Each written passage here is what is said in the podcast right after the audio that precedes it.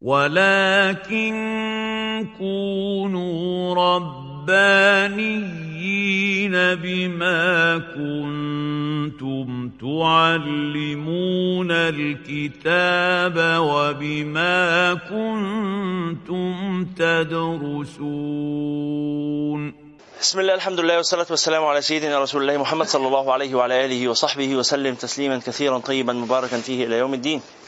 اللهم لا علم لنا إلا ما علمتنا فعلمنا يا رب ولا فهم لنا إلا ما فهمتنا ففهمنا يا رب. اللهم زدنا من لدنك علما اللهم آمين. أهلا وسهلا بحضراتكم وحضراتكن هذا هو اللقاء السابع لنا في إطار مدرستنا وقراءتنا لرسالة المعاونة والمظاهرة والمناصرة للراغبين من المؤمنين في سلوك طريق الآخرة كتبها الإمام الحداد رحمه الله ورضي عنه. وقد وصلنا إلى آه، قوله فصل وعليك بالتمسك بالكتاب والسنة والاعتصام بهما. فإنما فإنهما دين الله القويم وصراطه المستقيم. يا إخواني آفة الآفات هي يعني هجر القرآن وهجر سنة النبي العدنان صلى الله عليه وسلم. التعامل مع سنة النبي عليه السلام ومع كتاب الله سبحانه وتعالى لابد له من منهج في في التناول ومنهج في الاستفادة ومنهج في النظر. ويجب أن نعرض أنفسنا دائما لقراءة كتاب الله ولقراءة حديث سيدنا رسول الله صلى الله عليه وسلم. يعني حضراتكم مطلوب منكم إن استطعتم لو سمحتم أن أنتم تقرأوا أولا الأربعين النووية ثانيا رياض الصالحين ثالثا صحيح البخاري ومسلم رابعا الكتب الستة أو السبعة فجربوا كده تقعدوا في مرة تقرأوا صحيح البخاري. شغلوا إذاعة اللي هي القناة دي بتاعه السعودية الثانية اللي هو بيبثوا مباشر من المسجد النبوي ويقولوا تسجيلات صوتية لأحاديث النبي من غير شرح من غير حاجة بس كده حديث النبي عليه الصلاة والسلام. كلام النبوة عليه نور. فعرضوا أنفسكم له. ممكن نفتح الستاره دي؟ تكييف على كم على آخر. خلص هم هيعملوها فيجب أن نتعرض دائما بقدر المستطاع لكتاب الله سبحانه وتعالى ولسنة النبي المصطفى محمد صلى الله عليه وسلم وأن نتمسك بهم. آه، لا خلاص. حد حران أو حاجة؟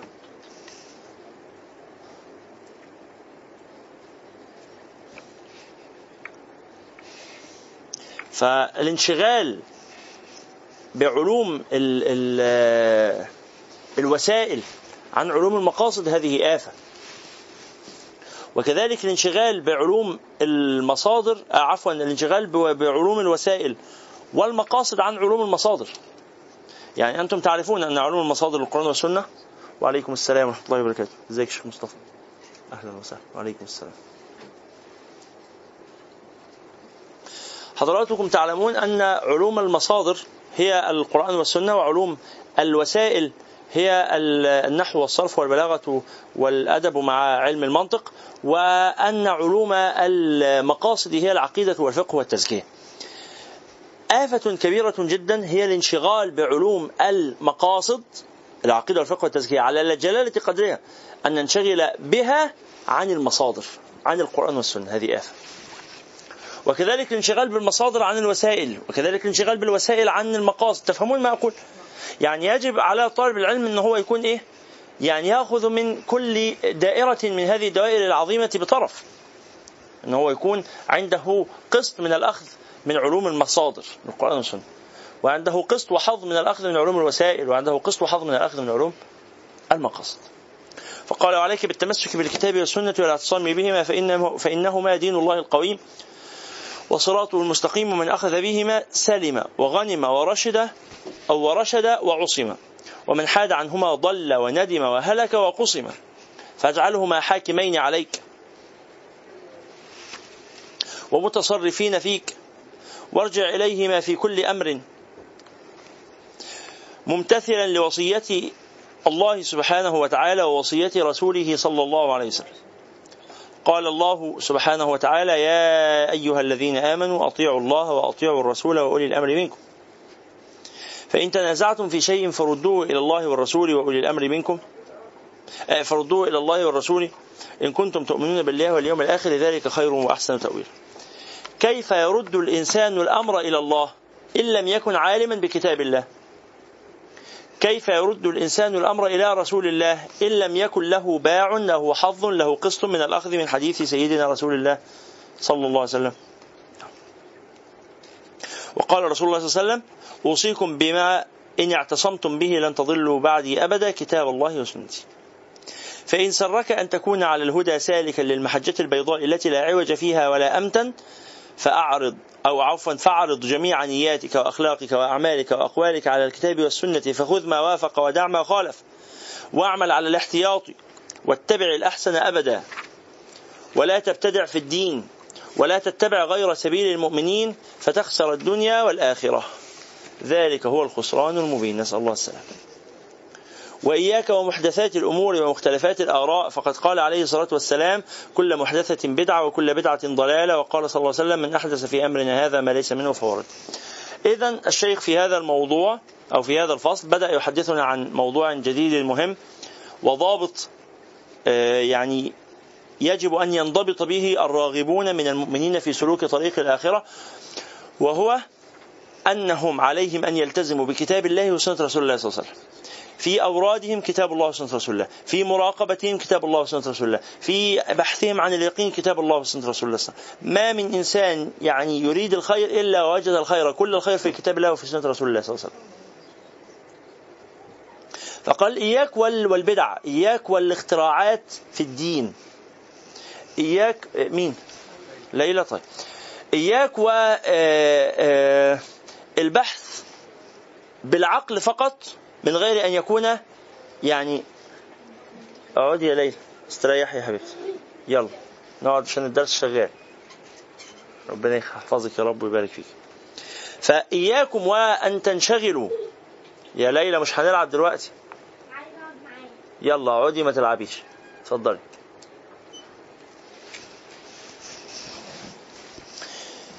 فالشيخ قال لك انتبه. ولا يلبسن أحد عليك باسم التصوف أو باسم العلم أو نحوه إنه هذه يعني بدعة يروجها فتروج وتنطلق معه فيها من غير أن تعلم ما مستند هذا الأمر من كتاب الله ومن سنة رسول الله صلى الله عليه وسلم. لا إحنا لا لا نقلد ولا نتبع ولا نأخذ ديننا إلا عن الله وعن رسول الله صلى الله عليه وسلم. وإنما نلتزم بقول المفتي أو بقول المعلم أو بقول الشيخ المربي أو نحو هذا فقط لأنه ممثل عن الله وعن رسول الله. يعني هو إذا قال إن هذا الكلام من عندياتي نقول له شكرا مع السلامة. مش عايزين منك حاجة. حتى ولو كان مين. فاهمين هذا؟ وده كلام سيدنا الإمام مالك رضي الله تعالى عنه وأرضاه لما قال إيه؟ ما من ما من أحد إلا ويأخذ من قوله ويرد. إلا صاحب هذا القبر سيدنا محمد صلى الله عليه وسلم. قال كل الناس يقول والله نفكر في كلامه. الكويس نقبله والوحش نرفضه. في مساحة للأخذ والرد. اللي ما فيش عنده مساحة للأخذ والرد هو مين؟ سيدنا رسول الله إذا قال أطعنا. إذا قال أطعنا. طيب إحنا ما عندناش أدوات وما عندناش قدرة على فهم كتاب الله وعلى فهم سنة رسول الله صلى الله عليه وسلم. نعمل إيه؟ نمتلك الأدوات. بس نفضل نتعرض للمصادر. نمتلك الأدوات نفضل نتعرض للمصادر. طب بس إحنا لسه برضه مبتدئين وفي أول الطريق وما إلى ذلك فنعمل إيه؟ خذ ما يريبك ودع ما خذ ما آآ آآ لا يريبك ودع ما يريبك. لما تشك في حاجة لا قول معلش مش وقتها دي أجل خلينا في مساحة المتفق عليه. خلاص؟ نعم اتفضلي. لا ما اقولش للشيخ انت مصدرك إيه مش ده المقصود. انما أنا لما باخد الفتوى ما بقلدش الشيخ أو ما بسمعش كلام الشيخ عشان هو الشيخ قال لي. وإنما لأنني أعتقد أنه في قوله هذا مبلغ عن الله سبحانه وتعالى. فإن ظهر لي فإن ظهر لي من سمته من سلوكه من فعله من حاله أنه لا يصلح للبلاغ عن الله أو عن رسول الله صلى الله عليه وسلم رددت قوله ورفضت كلامه. خلاص سقط من عيني. ولو كان من كان. لماذا؟ لأني أصبحت لا أعتقد أنه مبلغ عن الله. حسيت أنه بيكذب. فحسيت إنه بيألف. حسيت إنه بيخترع كلام من عنده ما بينقلوش عن العلماء. بإحساسي آه. وإحنا قلنا لما اتكلمنا قبل كده في كيفية اختيار المفتي قلنا في معايير. صح؟ كان من ضمنها لما قلناها ساعتها الارتياح الشخصي. إن في واحد أنا مش مرتاح أنا لما بروح عنده سمته وطريقته وحاله وكده ما يدلش على الله سبحانه وتعالى. زي معايير اختيار الطبيب. طبيب كويس جدا بس أنا شكله مش مريح. حاسه نصاب. حاسه استثماري. هو عامل الطب ده عشان يجيب فلوس وخلاص. فأنا ما عنديش حاجة وهو عمال يوهمني. هروح له؟ مش هروح. وبعدين قال لنا ضابط مهم جدا فقال والبدع ثلاث. بدعة حسنة. هو يعني إيه بدعة؟ البدعة هي الأمر الجديد. كل أمر جديد اسمه في اللغة بدعة. لكن هل كل أمر جديد يكون قبيحا؟ لا. هناك أمور كثيرة جديدة وهي حسنة. يعني مثلا اختراع المكتب اللي أنا قاعد عليه ده. ده كان موجود أيام النبي؟ السبورة ال white board دي كانت موجودة أيام النبي؟ الكولر بتاع المية ده كان موجود أيام النبي؟ كل دي بدع مخترعات. تكييف ده كان موجود أيام النبي صلى الله عليه وسلم؟ بدعة هي مخترعات مبتدعات فهمتم المعنى؟ لكن هذه البدع قبيحة أم حسنة؟ حسنة. بعرف منين إذا كانت طب هل هي بدعة بالمعنى اللغوي ولا بدعة بالمعنى الشرعي؟ بالمعنى اللغوي. طب يعني إيه بدعة بالمعنى الشرعي؟ نكتب مع بعض كده. البدعة هي كل أمر محدث في دين الله تعالى يبتغى بذاته التقرب إلى الله. هي كل أمر محدث في دين الله تعالى يبتغى بذاته التقرب إلى الله. يعني يعني حاجة ما عملهاش النبي عليه الصلاة والسلام. ولا أمر بيها ولا أصلها موجود في السنة ولا في القرآن ولا حاجة خالص. ده اختراع اختراع صرف. فيجي واحد مثلا يقول أنا أتقرب إلى الله كل يوم بإن أنا أقعد أعمل إيه الحركة بتاعه البوزة دي أربع رجلي كده بطريقة معينة وأقوم عامل إيديا كده أعمل كده. وأفضل كده لمدة ساعة. الساعة دي هتعمل في قلبي إيه؟ صفاء ونقاء وبتاع وأنا كده أتقرب إلى الله. واحد تاني يقول لأ أنا هرقص رقصة آه، البطريق الأسود ده يقوم عامل إيديه كده ويفضل يلف ويقول إيه؟ أنا في حالة هيام وانسجام. ويفضل يعمل كده. وبعدين يجي واحد تاني يقول لأ أنا هخليها رقصة إن أنا أقوم عامل كده. وإيدي دي لتحت وإيدي دي لفوق. عارفينها دي؟ إيدي دي لتحت اقوم عامل كده. ويفضل إيه؟ يعمل كده ويلف. بتعمل إيه؟ يا عم بتعبد. يخرب بيت شيطانك. الرقص عبادة؟ آه الرقص عبادة. إزاي يعني؟ انت بتحب الرقص عايز ترقص مفيش مانع الرقص ده شيء جائز للرجال والنساء. يعني الرجاله مش بيقفوا بيعمل يلعبوا التحطيب ها بالعصيان كده ويرقصوا مع الخيل والحركات دي. فولكلوريات جائزة عادة حسنة لا بأس به. يقف الرجالة قدام بعض ويلعبوا اللي هي اللي اسمها إيه دي اللي بيلعبوها في الشام الدبكة آه يدبكوا مع بعض. خلاص؟ مفيش مانع دي عادة لا إشكال فيه لكن تيجي تقول لي الدبكة آه، سنة؟ الدبكه عباده ادبك عشان ربنا يرضى عنك. فهمتوا المعنى؟ يبقى أمر محدث في دين الله تعالى مش ما هوش موجود في الدين. طب لو حاجة محدثة في الدين بس وسيلة مش غاية ما يبتغاش بذاتها التقرب إلى الله. يعني زي مثلا آه، سجادة الصلاة. هنعمل حاجة بدل النبي صلى الله عليه وسلم كان مسجده فيه سجادة صلاة؟ لا أمال مسجده كان فيه إيه؟ حصباء. حصباء. كان فارش زلط زلط رفيع كده. حصباء. حتى ما فيش حصير حتى آه حصباء رمل كده ناعم أو يعني حجر بتاع ده زلط ناعم كده أو رمل خشن شوية مفروض في المسجد. بيصلوا عليه. جينا إحنا دلوقتي قلنا لا آه هنفرش موكيت أو هنعمل حاجة اسمها سجادة الصلاة تبقى معايا مصلية كده أروح أي مكان باخدها معايا وأفرشها وأصلي عليها وبتاع. أهي دي حاجة في الدين أهي. بس هل أنا ببتغي بذات الصلاة على الموكيت ثواب أعظم؟ وبقول إن من صلى على المكت فله ضعف أجر من صلى على السجاد ومن صلى على السجاد فله ضعف أجر من صلى على الحصير ومن صلى على الحصير فله ضعف أجر من صلى على الأسمنت ولا البلاط هل بقول كده؟ والله تصلي على الحصير تصلي على السجاد تصلي على المكت تصلي على أي حاجة لك ثواب. نفسه هو هو. مهم حضور القلب فهمتم فيبقى اذا هناك بدعة حسنة. قال وهي ما رآه أئمة الهدى. مما يوافق الكتاب والسنة. يبقى مما يوافق هذا شرطها. مما يوافق شرط البدعة الحسنة اهو مما يوافق ما يبقاش مخالف. يوافق الكتاب والسنة. مين اللي هيعرف انه يوافق الكتاب والسنة؟ أئمة الهدى. من حيث إيثار الأصلح والأنفع والأحسن وذلك جمع القرآن في مصحف واحد لأبي بكر. دي بدعة ما عملهاش النبي صلى الله عليه وسلم بس جه سيدنا أبو بكر رضي الله تعالى عنه وأرضاه وقال لا نجمع القرآن في مصحف واحد. طب يا سيدنا أبو بكر هل أنت بتقول أنه قراءة القرآن من مصحف آه، من هذا المصحف الذي جمعته أكثر ثوابا من قراءتها من المصاحف اللي كانت متفرقة الأول أو الكتب أو الرقاع. لا دي مجرد وسيلة عشان يساعد الناس على الحفظ أو على القراءة. وعليكم السلام ورحمة الله وبركاته. قلنا له خلاص جزاك الله عن المسلمين خير الجزاء. انتفعنا انتفاعا عظيما بهذا الأمر. ونصب الديوان وصلاة التراويح وترتيب المصحف والأذان الأول وأحكام قتال البغاة كل هذه الأشياء بدعة حسنة. طب والنوع الثاني من البدعة؟ نعم.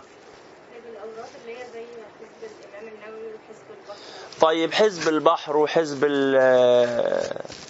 البتاع ده النصر وهذه الأحزاب والأوراد وما إلى ذلك ما حكمها؟ دي دعوة واحد شخص من العلماء دعا لنفسه بها ودعا للمسلمين. وبعدين لقاها كويسة فكتبها. وقال لتلامذته والله ده دعاء حلو. آه، أنا بحب أدعي بيه. فقاموا هم قالوا والله طب ما إحنا عايزين ندعي بيه إحنا كمان. في مانع قال لهم ما فيش مانع ادعوا بيه. بس هو ما بيقولش إن الدعاء ده ثوابه عند الله أعظم من إنك تدعي بدعاء آخر. لا ده هو بيقول لك بس يا من لم لا تستطيعين. ماشي؟ إنك تجمعي معاني كبيرة في كلمات قليلة فأنا سأساعدك بهذا الأمر.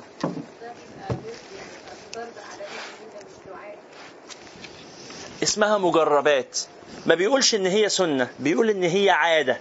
عادة في طريقتنا.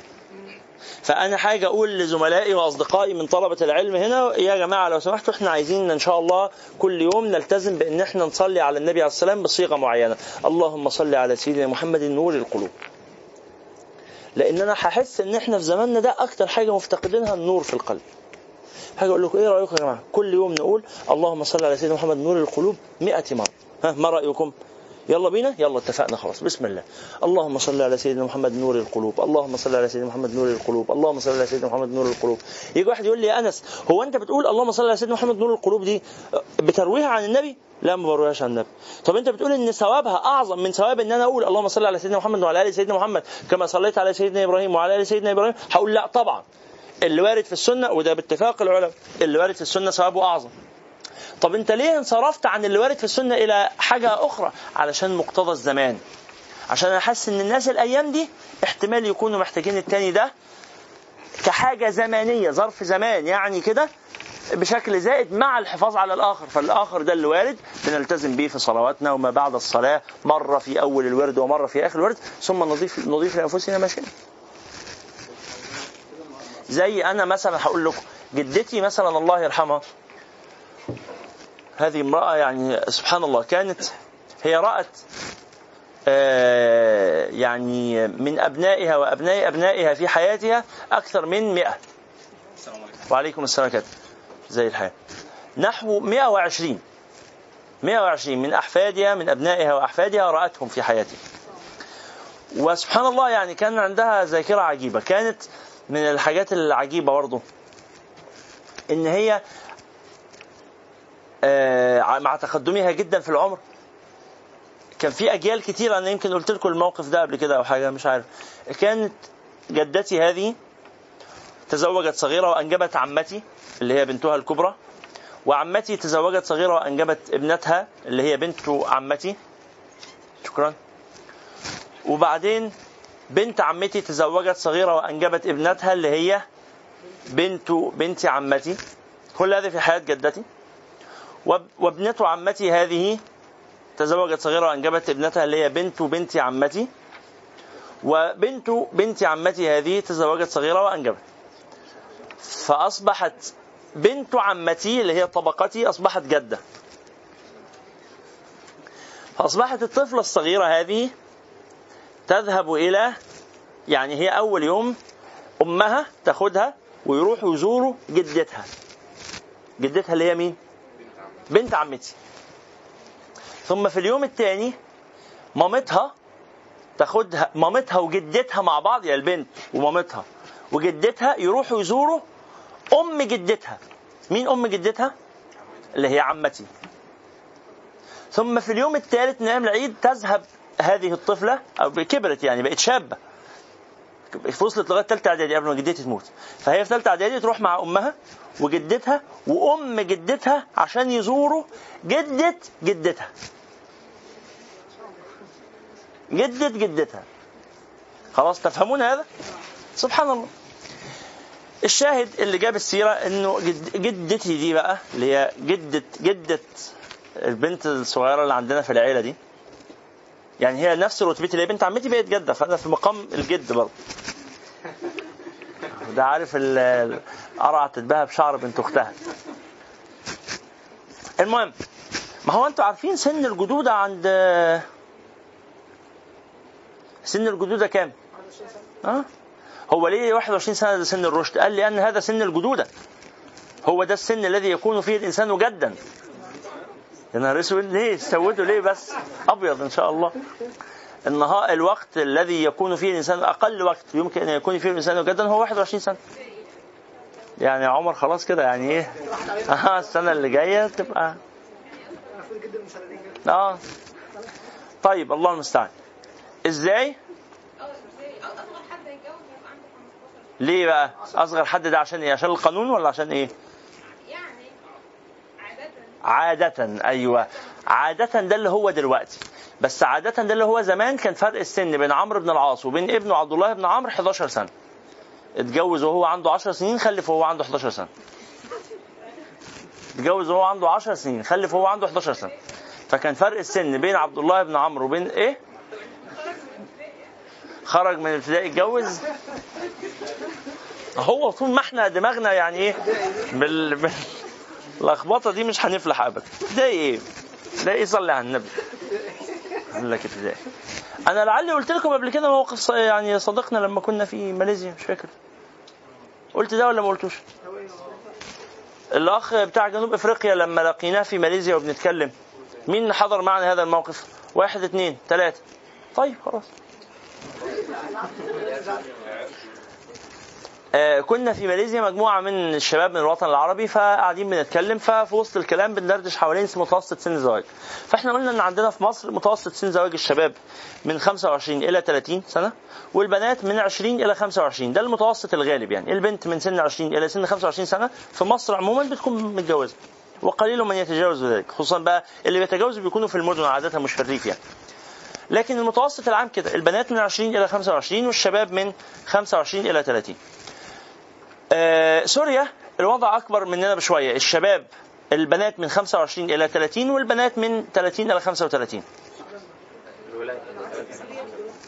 إيه؟ لا لا. العكس إيه؟ الشباب الشباب آه، عفوا البنات من 25 إلى 30 والشباب من 30 إلى 35 ده الغالب. في في استثناءات. في استثناءات هناك وفي استثناءات هنا. بس الغالب إن البنات بيتأخروا شوية عن الجواز سوريا أكثر من مصر. الخليج الوضع أقل من مصر البنات عادة من 18 ل 23 سنة والشباب مثلا من 23 إلى 27 سنة في الغالب بيكونوا اتجوزوا. إحنا طبعا بنقول الكلام ده فأخ قاعد معانا من جنوب أفريقيا فاتخض. جنوب أفريقيا. فبيقول أنتوا عندكم بيوصل سن البنت 20 سنة ولسه ما اتجوزتش. قال له آه يعني 20 سنة دي بتكون لسه في عيلة آه في ثانية كلية ولا ثالثة كلية فآه يعني قلنا له ليه هو أنتم المتوسط عندكم إيه؟ قال إحنا عندنا عادة البنت تتجوز وهي عندها 12 أو 13 سنة. فإذا وصلت 14 سنة أهلها يبدأوا يقلقوا. يعني البنت كبرت فإيه؟ فإذا وصلت 15 سنة فرصها بتضعف في الجواز. إذا كملت 16 سنة غالبا خلاص كده. إذا كملت يعني الأخوات يعني إيه صلوا على النبي وخلاص كده الحمد لله. قال لك إذا كملت 16 سنة خلاص. يعني فاتها ال آه آه خلاص صليتوا بينا على النبي فالشاهد ده بيختلف باختلاف العرف وبيختلف باختلاف الزمان وبيختلف باختلاف المكان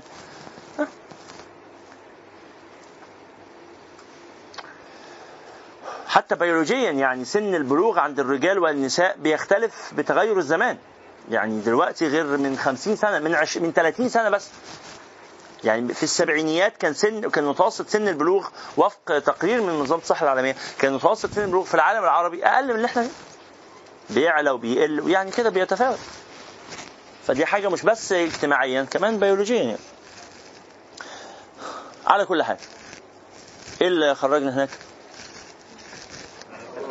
آه فجدتي هذه رحمها الله. كانت تقعد كل يوم بعد صلاة الفجر تصلي الفجر ثم تقرأ من القرآن. ما شاء الله لها أن تقرأ ثم تمسك ولادها واحد واحد.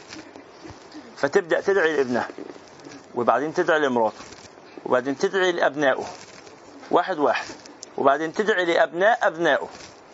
واحد واحد. وبعدين يعني فاهمين المسألة؟ هي في دماغها الخريطة كده مترتبة. أنا حتى ساعات كنت أروح لها تقول لي أنت مين؟ لها أنا أنس يا نينا تقول لي أنس مين؟ لها أنا تقول لي أنس مين؟ أقول لها أنس بن حسن. حسن الله تقوم واخداني بالحضن. بس ما كان قليل يحصل كده. كان يحصل كده أكتر مع مين في العيلة اللي اسمهم أحمد؟ اللي في عندها مثلا يجي 13 14 أحمد. فأنت أحمد مين فيهم؟ لازم يبقى أحمد بن عادل آه غير أحمد بن كده. ده تقسيمة معرفية معينة. الشاهد فهي تقعد تدعي لعيالها وأحفادها وبتاع. دي بدعة. دي بدعة. بس هي بدعة تبتغي بذاتها التقرب إلى الله. يعني هل هي عايزة بالفعل ده خصوصا التقرب إلى الله ولا هي عايزة بالدعاء عموما؟ الدعاء عموما. طب وتخصيص الوقت ده ليه؟ هو ده اللي مناسب لظروفها. هو فهمتوا المعنى؟ فده لا فيه. طيب فقال والثانية بدعة مذمومة على لسان الزهد. والورع والقناعة فقط وذلك كالتوسع في الملابس والمآكل والمساكن المباحة. هذه بدعة مذمومة. بس مذمومة إيه؟ مذمومة فقها ولا مذمومة أدبا؟ مذمومة أدبا. يبقى النوع الثاني ده بدعة مذمومة أدبا لا فقها. زي إيه؟ الأكل الكتير النعيم إنك تلبس أكتر من لون. يعني من الحاجات اللي مثلا العلماء كانوا يحذروا منها. إنك ما يكونش عندك أكتر من نوع لبس. تجيب جبة واحدة. تجيب تي شيرت واحد. تجيب قميص واحد. تجيب بنطلون واحد. إلى أن يبلى. فتجيب واحد تاني. فيبقى الدولاب بتاعك المفروض إن هو فيه إيه؟ مثلا قميصين واثنين تي شيرت واثنين بنطلون. بس كده خلاص. طب بس أنا يعني دولاب كبير. هذا بدعة. هذه بدعة مذمومة.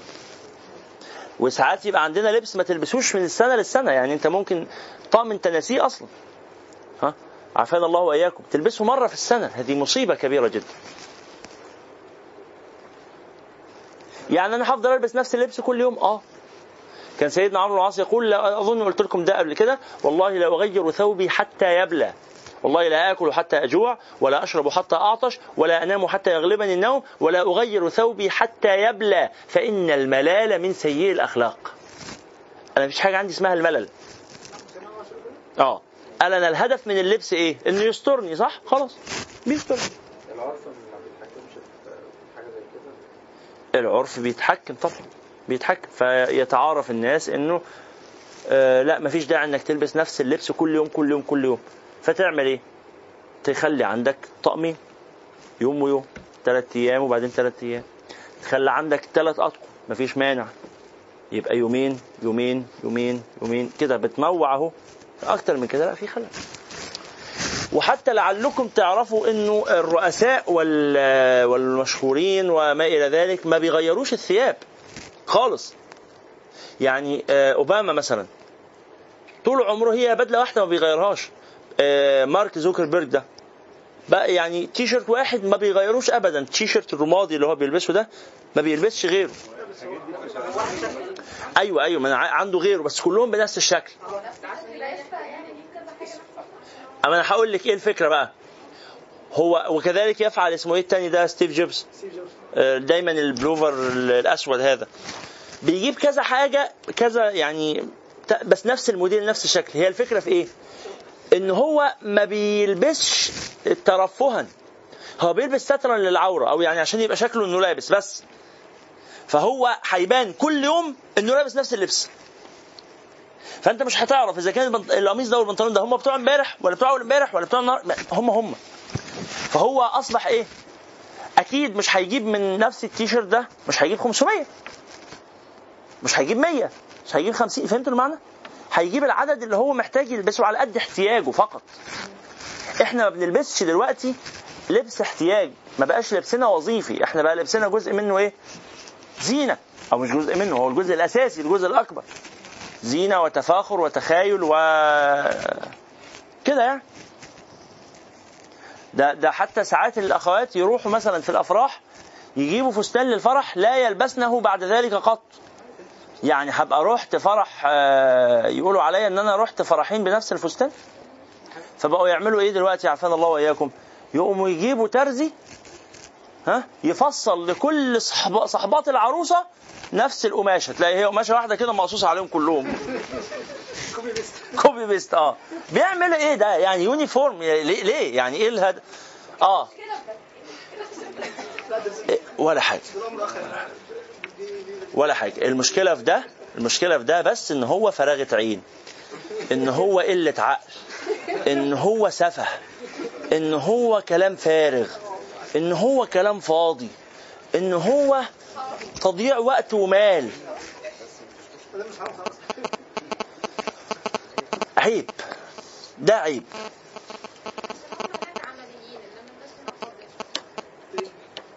ده عيب يا جماعة. اللي, إحنا بنتكلم عليه ده عيب. وإحنا قلنا قبل كده انه عيب دي كلمة كبيرة. فدي بدعة مذمومة على لسان الزهد والورع. يعني من البدع المذمومة مثلا تنويع الطعام. إنك تظل تفضل يا سيدي. عليكم السلام كده إنك تحط على المائدة الواحدة أصناف كثيرة. وإذا أكلت طعاما في يوم لا تأكل مثله من اليوم التالي. وإنك تسخط إذا أكلت أكل بايت وتتضايق. كل دي بدع.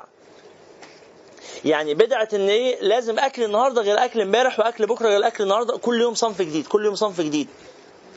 ها؟ والأمهات يفضلوا محيرين نفسهم أعمل لكم إيه النهارده؟ زي ما عملت إمبارح يا ماما. يعني الموضوع بسيط. لا ما هو ما ينفعش بالنسبة لها. ما ينفعش ليه؟ عشان كده عشان بقت عندنا بدعة متملكانا وأسرانا وحاكمه تفكيرنا بتقول لازم الأكل كل يوم يبقى مختلف. صح ولا إيه؟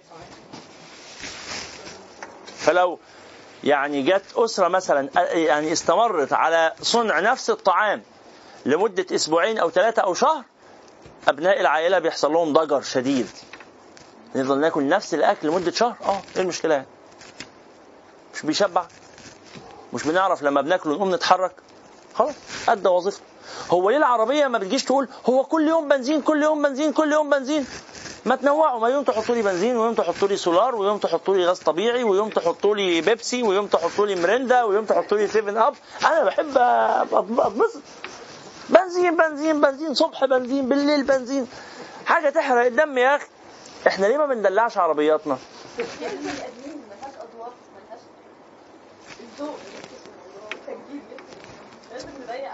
مفيش مانع مفيش مانع نوسع على نفسنا بس بحدود من غير سفه من غير هبل.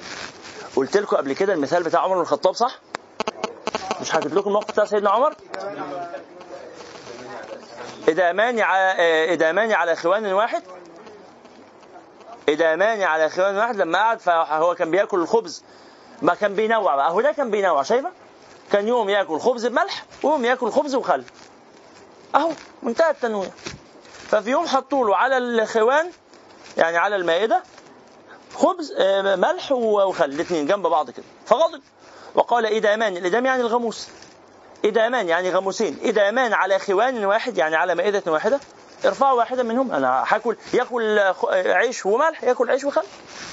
لكن إيه إيه إيه السفه ده اللي يخليني أنوع أفضل آكل؟ لا شوية من الخل. لا تعالى كده جرب الملح. لا تعالى كده جرب الخل. ما كانش يحب كده. طب إحنا دلوقتي في زماننا لو حطينا ملح وخل جنب بعض هو فين الأكل؟ هيجي لنا أملاح. ما إحنا لو كلنا منهم على قد ما نقدر نتحرك ونعيش مش هيجي لنا أملاح. لو كلت عيش وحتة ملح صغيرة خالص وعيش كتير أنا مش بقول اعملوا كده. مش بقول اعملوا كده. بس بقول إنه ينفع إن إحنا نستمر.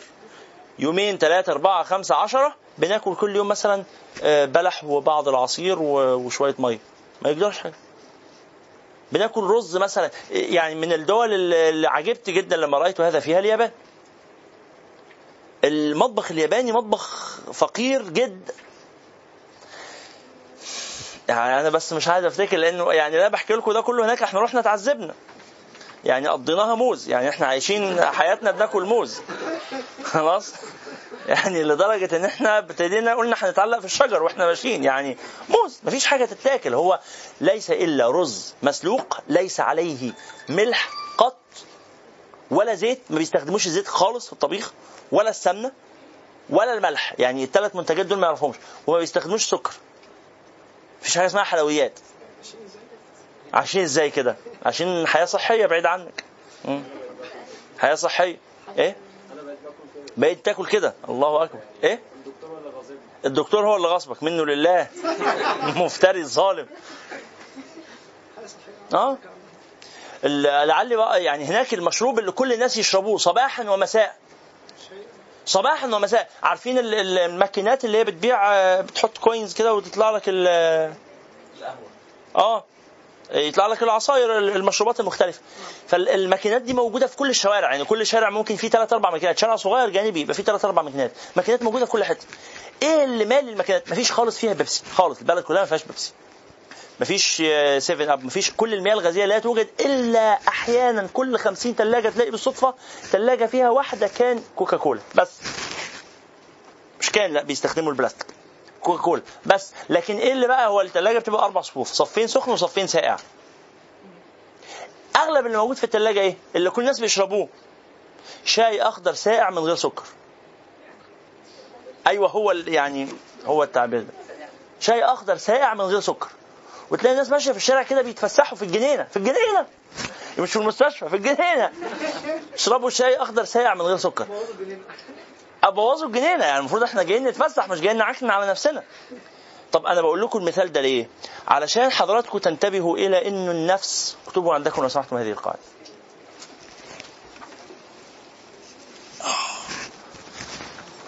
النفس ما أعطيت من شيء قط. قاعدة قاعدة حاكمة في سياسة النفوس. النفس ما أعطيت من شيء قط إلا طلبت المزيد منه.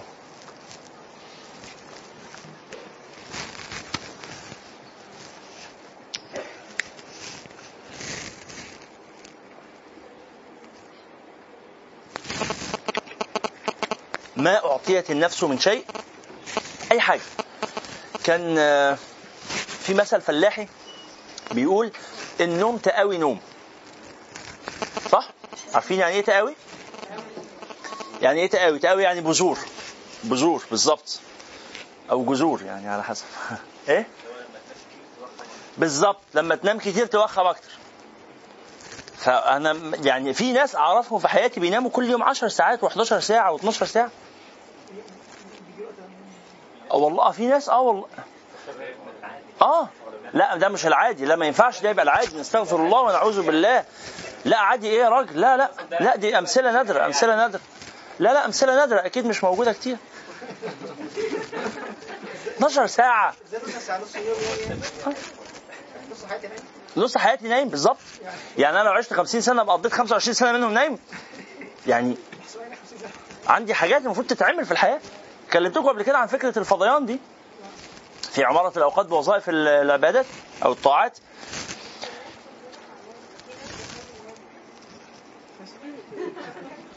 آه هو واضح إن الكلام جه مباشر ما أنا ما كنتش أقصد بس آه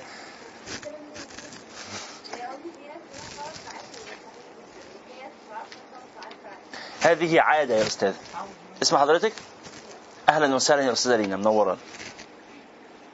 هذه عادة من اعتاد على الخمس ساعات الأول اللي متعود على 12 ساعة يعمل إيه؟ يقللهم يخليهم 11 يخليهم 10 على أسبوع في أسبوع كده يخليهم 8 يخليهم العلماء بيقولوا إن الطبيعي عند الناس من 6 ل 8 ساعات بالكثير وكل ما الإنسان بيتقدم في العمر يعني الأطفال هم اللي يحتاجوا يعني اللي بيحتاجوا 12 ساعة دول ولد طفل عنده سنة سنتين ثلاثة من بعد السنة الثالثه خلاص لازم نعوده إنه على النوم أقل صح ولا إيه؟ هو أنا بالامس يعني مثالا من كده أنا فعليا أيام الكليه بنام كتير اللي هو 11 ساعه بس حاليا عشان الشغل في شفتات 24 في المستشفى وما إلى ذلك. أما بنام فيهم ساعة واحدة أو ساعتين بصحى فايق مم. ومحد يسألني بنت أه صحيح؟ صحيح. صحيح؟ فهي مسألة تعود. مسألة تعود. أنا ما عنديش حاجة فبعمل إيه؟ مادة في السرير. فمادة دي هنام أجي قايم بحس إنه جبل مش قادر أقوم. في جبل على دماغي. مستثقل جدا القيام. لكن بعد شوية لو اتعودت على إن أنا ملتزم بإن أنا أقوم في وقت معين عشان أعمل حاجات معينة عشان جدولي ممتلئ لا هقوم وهتحرك وهعمل. مسألة تعود. أنا آه، آه، حتى الشيخ البصيري قال إيه؟ والنفس كالطفل إن تهمله شب على حب الرضاع وإن تفطمه ينفطم. الطفل الصغير لو سبته يرضع هيحب الرضاع. هيفضل يكبر بيحب الرضاع. ممكن يوصل سنه ثلاث سنين ماسك في ايده الببرونة ماشي بيها في الشارع. أنا شفت المنظر ده. شفت المنظر ده بقيت بضرب كف بكف. واد ثلاث سنين ماشي بببرونة؟ ابتدائي لا. والله شفنا في ابتدائي وعندهم مش قادرين يفرقوا ابتدائي بببرونة؟ آه والله الام طب أنت معاك واحدة دلوقتي؟ ابتدائي ببرونه ده إيه بقى؟ ده إيه؟ ده هبل. ده أم هايفه يعني إيه أم هايفه يعني قاعدة تقول لا. حبيب قلبنا النوس ماما. لا هيعيط. ما يعيط ما يتفلق.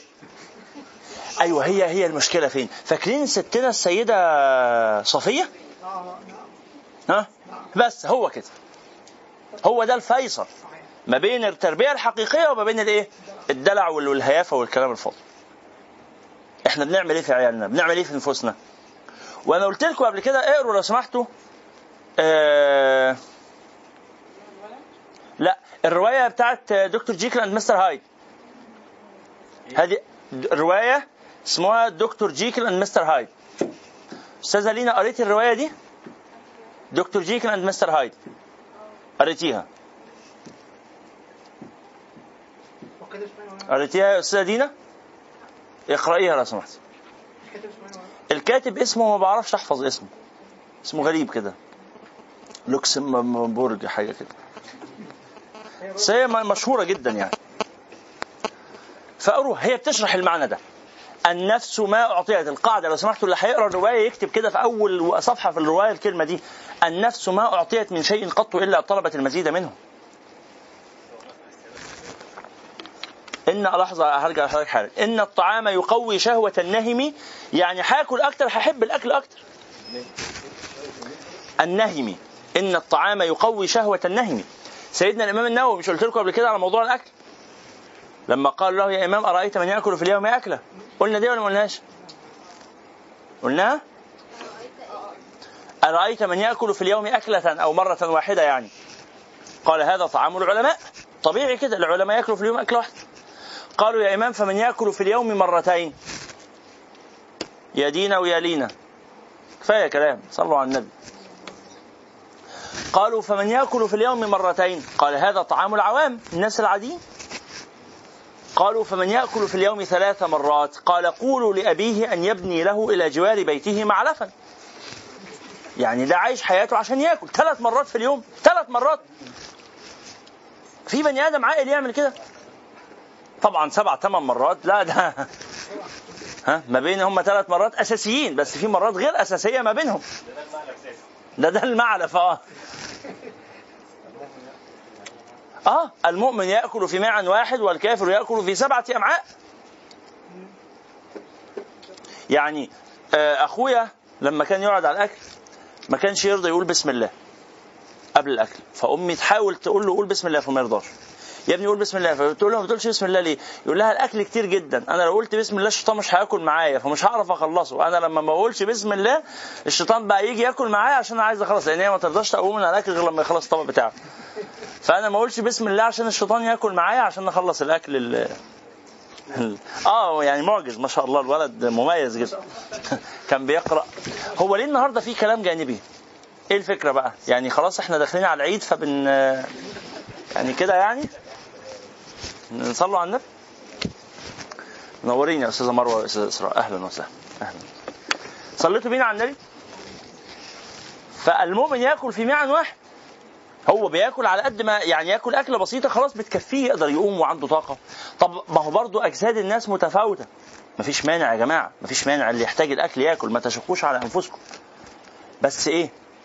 بس نحاول ناخد نفسنا بشيء من الشدة. مش كل لما احتاج أكل أكل كلما اشتهيت اشتريت. وصلنا فين في حفظ القصيدة يا سيدنا الشيخ؟ سيدنا قلنا هنسمع في الأسبوع الأول وأنا جيت ما لقيتش حد بجد؟ يعني أنت حافظ؟ لا مش حافظ. طيب قال لك أنا كنت عامل حسابي على الأسبوع الأول. فوتنا الأسبوع الأول يبقى الأسبوع الأول من رمضان المقبل إن شاء الله. إيه يا شيخ؟ نعم نسمع والله يعني نسمع إزاي وإحنا مش حافظين يعني عليكم السلام انما نسمع فيها عشان أنا النهارده مش مستعد طيب حسب القوافي وحسبي بس خلاص حلو أهو. يوم ال- إيه يوم ال- الخميس اللي جاي حلو؟ إن شاء الله. طيب في ختام الدورة. هنا نسمع الناس. الخميس مش ختام الدورة. أمال؟ الاربع الاربعة آه يبقى إن شاء الله. الاربعة في ختام الدورة إن شاء الله. يسمعوا الناس مننا القصيدة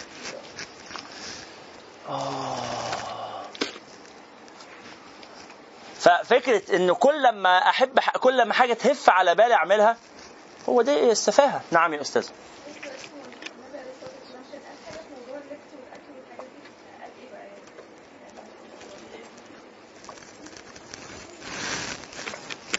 النبي صلى الله عليه وسلم كان إذا اشترى ثوبا جديدا تصدق بثوبه القديم فلا يكون عنده إلا ثوب.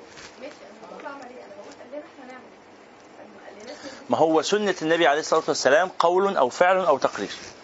فاللي النبي بيعمله ده سنة. النبي قال لنا مثلا في مسألة الأكل بحسب ابن آدم لقيمات يقمن صلب. النبي عليه السلام قال لنا ما ملأ ابن آدم وعاء شر من بطنه. النبي عليه الصلاة والسلام كان يشد الحجر على بطنه من الجوع وكذا فعل أبو بكر وعمر معه. نعم. كان بيبقى عنده أكل ويطلعه وينفقه ويفضل ما عندوش حاجة فيجوع صلى الله عليه وسلم. نعم. يوقد ال- الهلال تلو الهلال تلو الهلال. لا يوقد في بيت شهرين كاملين. لا يوقد في بيت رسول الله نار. ما طبخوش. يعني البيوت دلوقتي لو الست ما طبختش يوم جوزها يحس إن إيه؟ ممكن يطلعها فيها. آه. خلاص يوم ممكن يفوت لها يوم يومين ثلاثة لكن تقعد أسبوع ما بتطبخش. بس خدوا بالكم دلوقتي برضو الستات ما ينفعش يتحججوا بقى يقولوا خلاص إحنا هنبطل طبخ. آه لأن هم لو هيزهدوا وهيبطلوا طبخ مفيش مانع هو هيشيل الغسالة ويغسلوا على إيديهم بقى. يعني إيه؟ يعني ح- لو هنعيش أجواء آه الصحابة نعيشها على بعضها. يعني مش هنلغي البوتاجاز ونفضل سايبين ال- الغسالة. يعني هنشيل البوتاجاز يبقى هنشيل معاه الغسالة كمان. صح ولا إيه يا مشايخ؟ آه. نعم هو في فكره بان ربنا لما يجي يبتلي ناس معينه زي الاختبار يعني يقول سيدنا آدم الشجرة دي لو كلت منها تنزل السماء وكده في حاجة تانية اللي هو إن الله مبتليكم بنهر نعم. هو في هدف إن هو أصلا كل الاختبارات إن إحنا عايشين الحياة كلها أصلا كل الحياة اللي إحنا عايشينها ليست إلا اختبار؟ لا في يعني في هدف إن ال- القصد الاختبار في الشرب والأكل بس. لا الاختبار مش في الشرب والأكل بس. ده اللي يعني كتير أيوه لا لا ده ده أنت قلت مثالين بس في اختبارات أخرى كثيرة اختبار في الجهاد اختبار في حب النساء والأعراض عنهن اختبار في حب الأموال والأعراض عنها. لا لا حاجات متعددة. دول مثالين في نوع من أنواع الاختبارات لكن لا لا لا في أمثلة أخرى كثير في أمثلة أخرى كثير مش مقصود الاثنين دول بس لا لا. في كل لو جبنا أي نوع من أنواع الاختبار هنلاقي تحته أمثلة كتير. فمن ضمن أنواع الاختبار في الأكل والشرب في المثالين دول. والاختبار في حاجات ثانية فيها أمثلة أخرى. طيب بسم الله نعود فنواصل. قال. صفحة 64 يا سيدنا. والثانية بدعة مذمومة على لسان الزهد والورع والقناعة فقط وذلك كالتوسع في الملابس والمآكل والمساكن المباحة. وإحنا قلنا يا جماعة هذا جائز شرعا ليس حراما. ان أنا آكل أصناف متعددة مش حرام. ان أنا ألبس ألوان متعددة مش حرام. بس بدعة مكروهة إنك تبالغ فيها إنك تزود فيها. ومكروهة إيه؟ أو بدعة إيه؟ بدعة ادبا ولا بدعة فقها؟ ادبا. يعني من الناحية الفقهية مش حرام. بس إحنا ما بندورش على الحرام بس. بندح- بنشوف إيه المكروه كمان عشان نبعد عنه. مش قلنا قبل كده الطاعات والمعاصي. قلنا الكلام ده؟ قلنا إن الأفعال إما طاعات وإما معاصي والطاعات إما فرائض وإما نوافل. قلنا ده ولا ما قلناش؟ ما اتقالتش ما اتقالتش؟ طب نكتبها لو سمحت نكتبها لو سمحت الأفعال إما طاعات وإما معاصي. والطاعات إما فرائض وإما نوافل. والفرائض إما أركان وإما واجبات. والنوافل إما واردة وإما زائدة.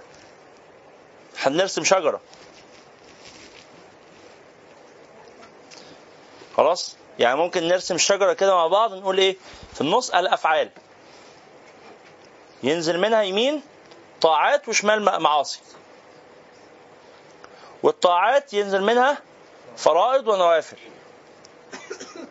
والفرائض ينزل منها أركان وواجبات.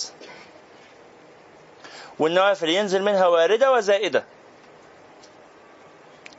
والمعاصي ينزل منها آه آه، محرمات ومكروهات.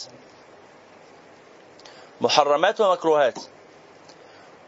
والمحرمات ينزل منها كبائر وصغائر.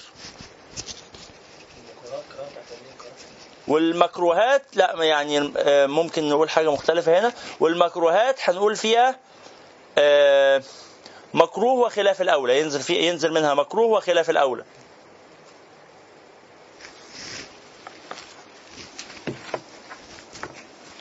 خلاص؟ الخريطة دي مفهومة بالنسبة لكم؟ الكلمات اللي فيها مفهومة؟ خلاف الأولى اللي هو الحاجة اللي مش حلوة يعني ما يصحش مش مكروهة يعني لم تصل لدرجة إن هي مكروهة. لكن إنك تسيب الحاجات الكويسة إنك تترك النوافل إنك تترك فعل السنن كده ده خلاف الأولى. نعم. قل من حرم زينة الله التي أخرج لعباده والطيبات من الرزق. قل هي للذين آمنوا في الحياة الدنيا خالصة يوم القيامة. نحن ما. لا نحرمها استغفر الله. ابدا. إحنا ما قلناش ان هي حرام قلنا إنها إيه؟ مكروهة. الله سبحانه وتعالى يقول زين للناس حب الشهوات من النساء والبنين والقناطير المقنطرة من الذهب والفضة والخيل المسومة والأنعام والحرث. ذلك متاع الحياة الدنيا والله عنده حسن المآب. الله سبحانه وتعالى يقول المال والبنون زينة. والباقيات الصالحات خير. فهذا مستفاد من القرآن والسنة. طيب. قال والثالثة ها.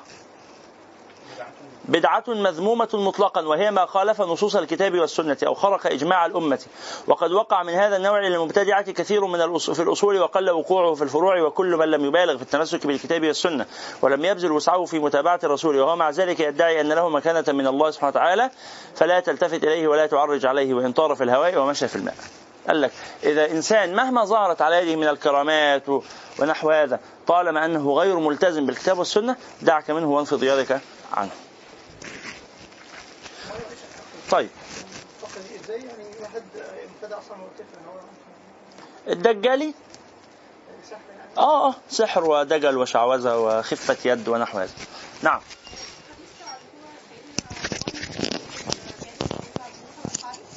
نعم.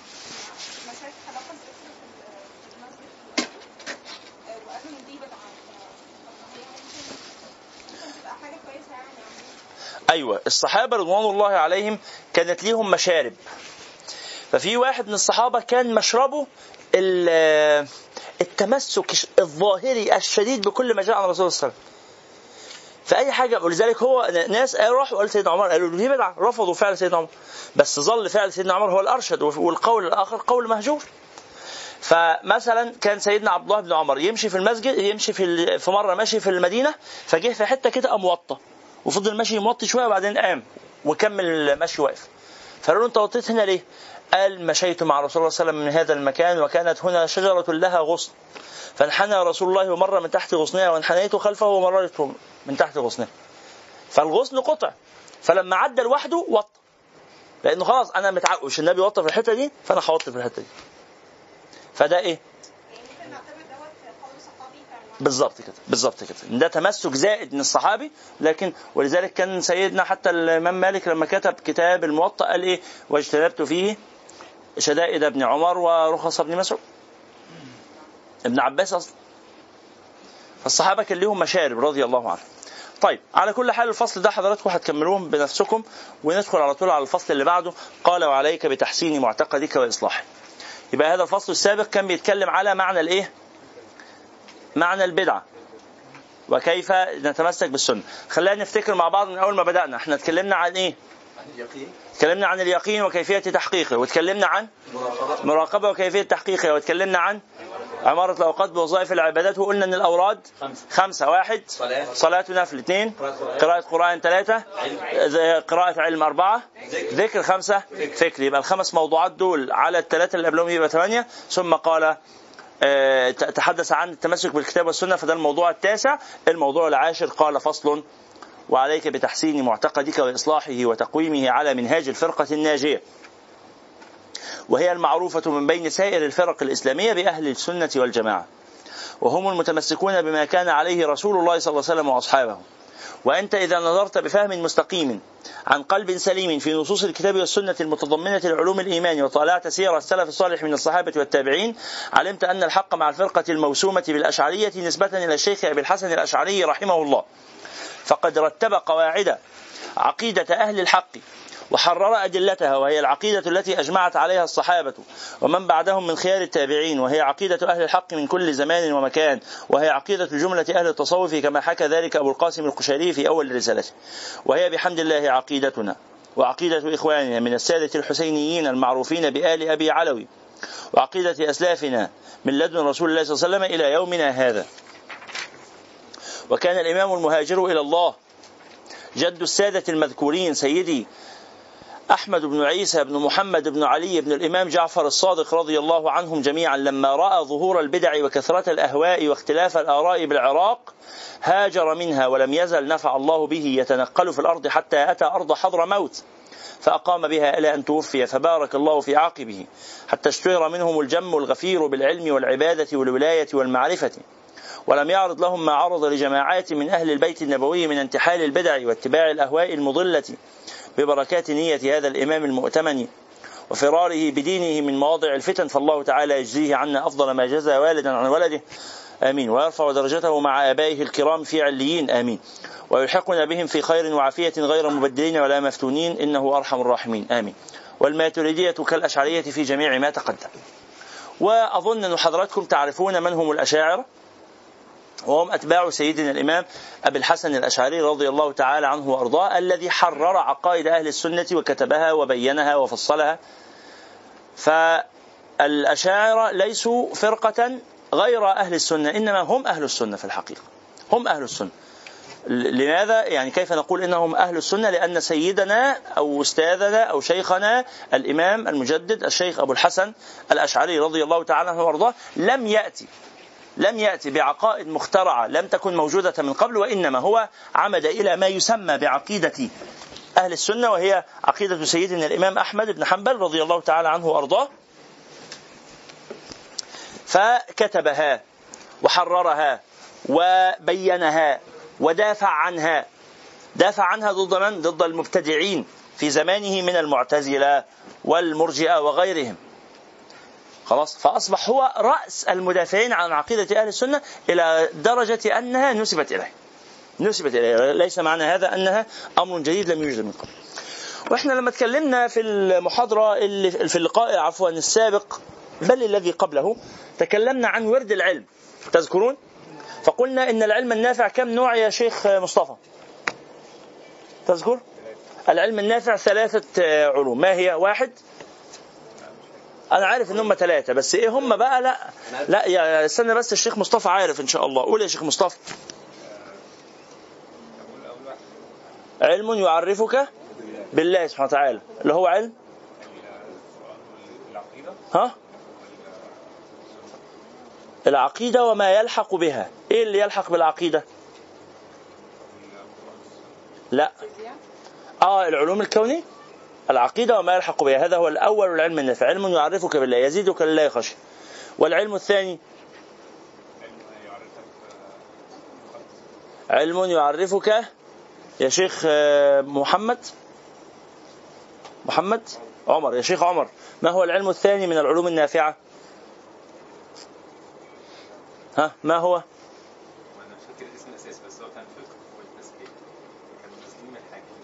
ما هو؟ آه، العلم الثاني هو العلم آه، طيب، هجيبها ثانية. براحتك براحتك. ها. ما الذي تفعله وما الذي لا تفعله؟ علم يعرفك بالواجب فعله والواجب ترك بالواجب فعله والواجب تركه. علم العلم الثاني هو علم يعرفك بما يجب أن تفعله وما يجب أن تتركه وهو علم الفقه وما يلحق به اللي هي علوم الإدارة علم القانون علم ال في علم ال الاقتصاد علم ال الاجتماع علم الفقه علم أصول الفقه علم التربية. العلم اللي بيقول لك المفروض تعمل إيه والمفروض تعمله إزاي. والعلم الثالث من العلم من العلوم النافعة هو العلم الذي يعرفك بنفسك وما كيفيه إصلاح عيوبها وتنقيتها من آفاتها. أنتوا فاكرين الكلام ده ولا بنذاكر ولا بننسى ولا إيه الموضوع؟ ربنا يبارك فيكم. فقال وينبغي فهو بيتكلم على النوع الأول اللي هو العقيدة قال احذر فيها من البدع وينبغي لكل مؤمن أن يحصن معتقده بحفظ عقيدة من عقائد الأئمة المجمع على جلالتهم ورسوخ في العلم. ولا أحسب مبتغي ذلك يصادف عقيدة جامعة واضحة بعيدة عن الشبه سالمة من الأشياء الموهمة مثل عقيدة الإمام الغزالي رضي الله عنه التي أوردها في الفصل الأول من كتاب قواعد العقائد في الإحياء. فعليك بها. فإن تشوفت إلى مزيد فانظر في الرسالة القدسية التي أوردها في الفصل الثالث من الكتاب المذكور. يعني بيقول لك احفظ متن في علم العقيدة. ففي زماننا ده مثلا نقول إيه؟ متن الخريدة. متن جميل بسيط كده في علم العقيدة من غير علم كلام ومن غير إيه؟ متاهات عقلية. طب الخريدة صعبة على حد من الناس. آه خلاص. ادرس اقرأ مثلا كتاب تبسيط العقائد الإسلامية بتاع الشيخ حسن أيوب. كتاب بسيط خالص. طيب برضه يعني ممكن يكون حس ببعض بعض الصعوبة. اقرأ كتاب عقيدة المسلم للشيخ محمد الغزالي. ما فيش أسهل من كده بقى. كتاب شديد البساطة والسهولة. واحفظ إيه من كل فصل كده فقره أو حاجة أهم الإيه؟ العناوين اللي في الكتاب. قال ولا تتوغل في علم الكلام. ما تزودش في دراسة العقيدة. ليه؟ فاكرين لما أنا كنت آه، بقول لكم لو سمحتوا يعني ولا أظن هنا طلبة الأصول حد معانا هنا من طلبة الأصول؟ واحد اثنين ثلاثة لا بس أنتوا الدفعة الجديدة ما يتهيأليش إن اتكلمنا في الموضوع ده. آه، إسراء اتكلمنا في الموضوع ده. آه، أستاذة مروة واستاذه إسراء لا. الله المستعان. لا تتوغل في دراسة علم الكلام. ليه؟ ولا تكثر من الخوض فيه لمجرد طلب التحقيق في المعرفة فإنك لا تظفر بهذا المطلوب من هذا العلم. العلم ده ملوش لازمة. ملوش لازمة من ناحية إيه؟ من ناحية المعرفة بالله. هذا علم لا يعرف بالله. علم الكلام علم لا يعرف بالله. أمال ده علم إيه؟ علم يرد على شبه الخصوم. لو سمحت. هذا علم يرد على شبه الخصوم. علم للحجاج والنقاش. فهو مفيد في الهدم لكنه ليس مفيدا في البناء. علم يهدم الأفكار الضالة. علم يرد على عقائد المنحرفين. هو علم الكلام. لا بأس جيد جدا. بس أنا عايز أبني عقيدتي أنا كمسلم. ببنيها بعلم الكلام؟ لا مش ممكن ما بيبنيش. ولذلك الإمام الغزالي قال كده قال وجدته وافيا بمقصوده غير واف بمقصوده. أنا مقصودي معرفة الله العلم ده مش مقصوده معرفة الله العلم ده مقصوده الرد على أهل الزيغ والباطل. فهو بيحقق غرضه بس أنا عندي غرض أحققه فين؟ في حاجة ثانية مش في ده. فالعلم ده ملوش لازمة ملوش لازمة من إيه؟ من حيثية معرفة الله. يعني اللي محتاجين يتعلموا عقيدة ما يدرسوش علم الكلام. لو سمحتوا العقيدة ليست هي علم الكلام. وده عنوان كبير قوي قلناه في الدورة التعريفية الناس اللي كانت معانا في الدورة التعريفية. العقيدة مش هي علم الكلام. لا علم الكلام ده فرع صغير جدا ده أحد وسائل إثبات العقائد. لكن العقيدة أوسع من هذا. العقيدة معرفة الله فقلنا إنه National Geographic تحقق العقيدة. التصوف عقيدة. آه، قيام الليل ده تبع العقيدة. الخشية عقيدة. طيب في رسائل أو كتب بسيطه في علم الكلام نعرف معناها أو فصول في كتب معينة؟ آه، الجوهرة. الجوهره جوهرة التوحيد وشرحها.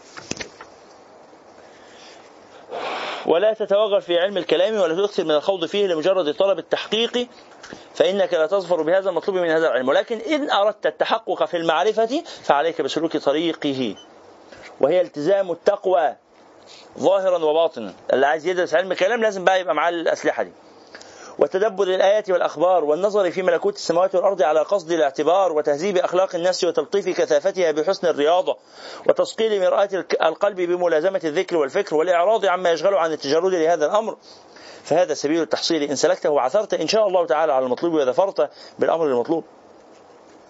والصوفية إنما جاهدوا نفوسهم وبلغوا في رياضتها وقطعوها عن عاداتها ومألوفاتها لعلمهم بتوقف حصول كمال المعرفة على ذلك وعلى كمال المعرفة يتحقق يتوقف التحقق بمقام العبودية التي هو بغية العارفين وأمنية المحققين رضي الله عنهم أجمعين. ما هو التصوف؟ ما تعريف التصوف يا شيخ؟ اسم حضرتك؟ شيخ أحمد ما هو التصوف؟ ما لم تكن حاضرا معنا، ما هو التصوف يا شيخ مصطفى؟ صدقت صدقت ما هو التصوف؟ ما هو التصوف؟ ما هو التصوف؟ ما هو التصوف؟ كنتوش حاضرين معاك معانا كل الصف ده. ما هو التصوف؟ ها؟ صدق التوجه إلى الله تعالى. هذا تعريف التصوف. التصوف له أكثر من 2000 تعريف. منهم التعريف اللي قاله الشيخ مصطفى.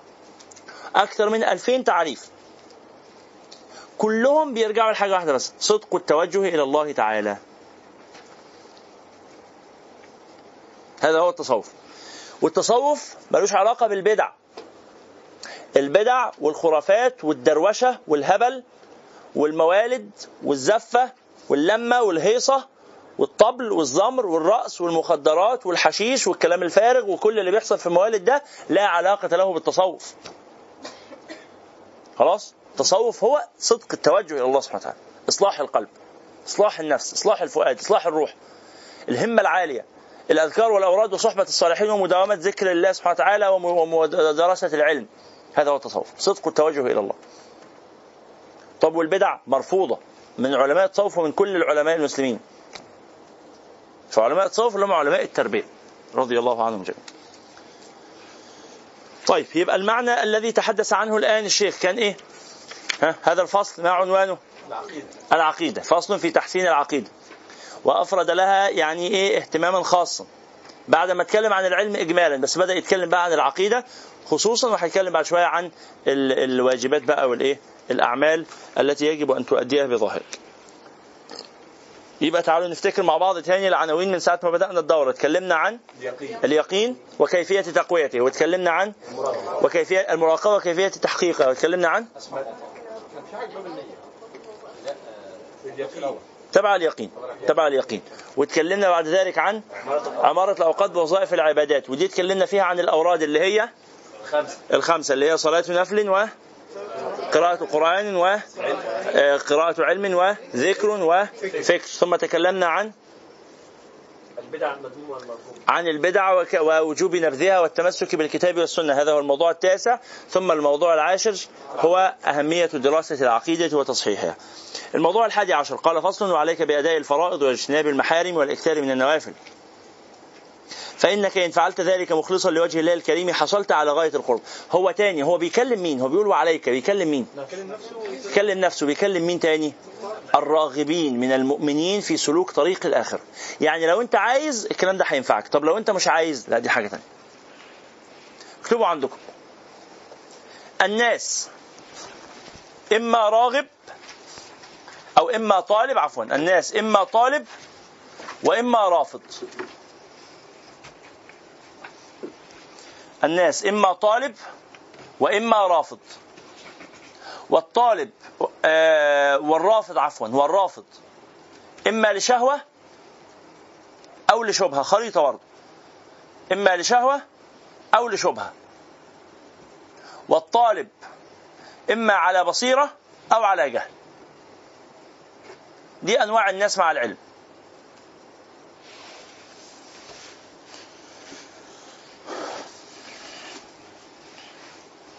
فمن الأول كده في واحد طالب علم هو عاوز راغب في سلوك طريق الآخرة مريد طريق الحق.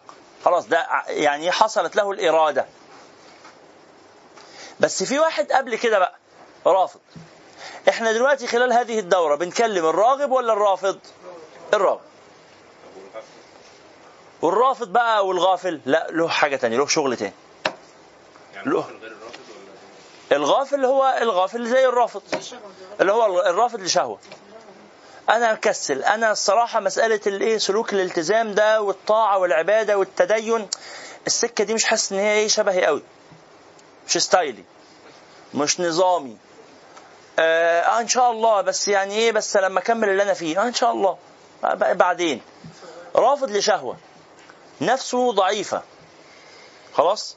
اتعود على حاجة معينة ومش قادر يبطلها. هذا رافض لشهوه فهو ليس راغبا ليس متوجها في طريق الآخرة. ده رافض. بس رافض لشهوة. لازم نشوف هنشتغل معاه إزاي. وفي رافض لشبهة. عنده أفكار مخليها رافض. طريق الحق طريق الالتزام طريق عنده أفكار. فإزاي نناقش أفكار؟ بس لما نكون هنكلم المؤمنين بقى اللي هم الراغبين اللي هم المريدين اللي هم المتوجهين فنقول له انت واحد من اثنين يا اما على بصيرة يا اما على جهل. على بصيرة يعني عارف هو عاوز إيه. عارف هو عاوز إيه. فده ما الذي يحتاجه؟ يحتاج إلى الهمة. هو عارف عارف هو عايز إيه يعني معه البوصلة. فهو يحتاج إلى الهمة. الله المستعان. يحتاج إلى الهمة. وال واللي على جهل يحتاج إلى المقصد ثم الهمة. يبقى اللي على بصيرة هو عارف المقصد فهو محتاج همة بس. اللي على جهل محتاج المقصد اللي هو البوصلة يعني التوجه. ثم الهمة الاثنين مش فاهم يعني يعني إيه عارف المقصد؟ وازاي طالب ومش عارف مش عارف عايز؟ هو طالب يعني راغب في سلوك طريق الاخره بس مش عارف ده بيتعمل إزاي. فحضراتكم لما بتدرسوا هنا هذا الكتاب إحنا لما بنقرأ مع بعض الكتاب ده إحنا بنحاول نبقى إيه؟ راغبين. نبقى إحنا راغبين قبل ما نيجي. إحنا اللي خلانا نيجي الدورة إن إحنا راغبين. بس إحنا كنا راغبين على قدر من قلة البصيرة على قدر من الجهل. كلنا يعني. أو أغلبنا. يعني إيه؟ الفقير وبعض الحاضرين البعض الآخرين غير ذلك الله أعلم. بس أغلبنا أتينا إلى هذا المكان راغبين بس عندنا قدر من الإيه؟ الجهل. فبنعمل إيه؟ بنعرف الطريق. طب ما بعد معرفة الطريق؟ لا. نحتاج إلى الهمة بقى. خلاص عرفنا هن المطلوب عندنا يقين هنقويه إزاي عندنا مراقبة هنعملها إزاي عندنا أوراد خمسة هنشتغل عليهم إزاي عرفنا مسألة التمسك بالكتاب والسنة ونبذ البدعة عرفنا مسألة تقوية العقيدة عرفنا. بس نحتاج بعد المعرفة إلى الإيه؟ العمل. طب قبل المعرفة محتاجين إيه؟ محتاجين معرفة وعمل. فإذا تحققت المعرفة تبقى العمل. نعم اتفضل. الهمة تيجي إزاي؟ الهمة تيجي ما هو الهمة دي اللي هو الشيخ قال لي عليها في لما. لما كلمني عن اليقين تيجي بحاجتين تيجي بصحبة الصالحين وبتذكر الغاية. يجي لي همة منين؟ يجي لي همة من إن أنا أفتكر الغاية وأتذكرها بس إيه؟ أتذكرها كأني أعيشها. آه المراقبه أعيش الغاية. أعيش إني في الجنة. يهون كل شيء. من رزق اليقين حقا. أول كلمة بدأنا بها الدور. إحنا في اواخر الدوره خلاص. من رزق اليقين حقا هان في عيني كل شيء. إن أنا أعيش الغاية ان كأني الآن يوم القيامة. هذا هو ما يرفع الهمه جدا. أعيش الحلم أدوقه. والله أصحاب الهمة يا إخواني لا ينامون. أصحاب الحلم يعني لا ينامون إلا اضطرارا. يعني بينام وهو متضايق بياكل وهو متضايق ما عندوش وقت يضيعه. أنا بكلمكم هنا مش بس عن همة الآخر عن همة الدنيا. أصحاب همة الدنيا اللي عندهم طموح إن يبقى رجل أعمال ناجح إن يبقى طالب متفوق إن يبقى كده في الدنيا لا ينام. ليه؟ هو عايش حلم معين. فمسخر له وقته وحياته ودنيته تفكيره وكل حاجة.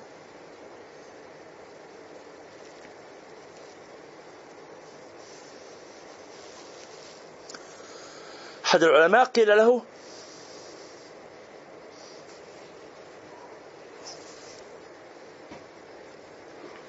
أرأيت لو أخبرك معصوم أنك ستموت بعد ساعة. فماذا ستفعل؟ يعني إذا جالك خبر أكيد نهائي. أنت باقي لك في الدنيا ساعة واحدة. فماذا ستفعل خلال هذه الساعة؟ قال أذاكر العلم. طبعا هذا غريب. لأنه تتوقع أنه اللي فاضل له ساعة في الدنيا ده يعمل إيه؟ يقرأ قرآن، يصلي، العلم هو العلم أنا بتعلمه ليه؟ ما عشان يا إما أعمل بيه يا إما أعلمه لغيري ده فاضل له ساعة. ولا هيلحق يعمل بيه. ولا هيلحق يعلمه. خلاص يعني الموضوع بيخلص. لكن هي المساله في إيه؟ إنه إذا قامت الساعة وهو قال كده وفي يد أحدكم فسيلة فإن استطاع ألا تقوم إلا أن يغرسها فليغرسها. أنا علي إن أنا أشتغل كده.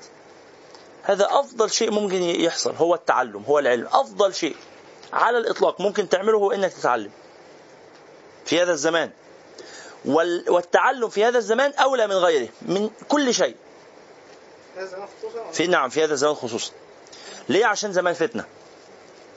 وفي أزمنة الفتن يزيد قدر العلم جدا.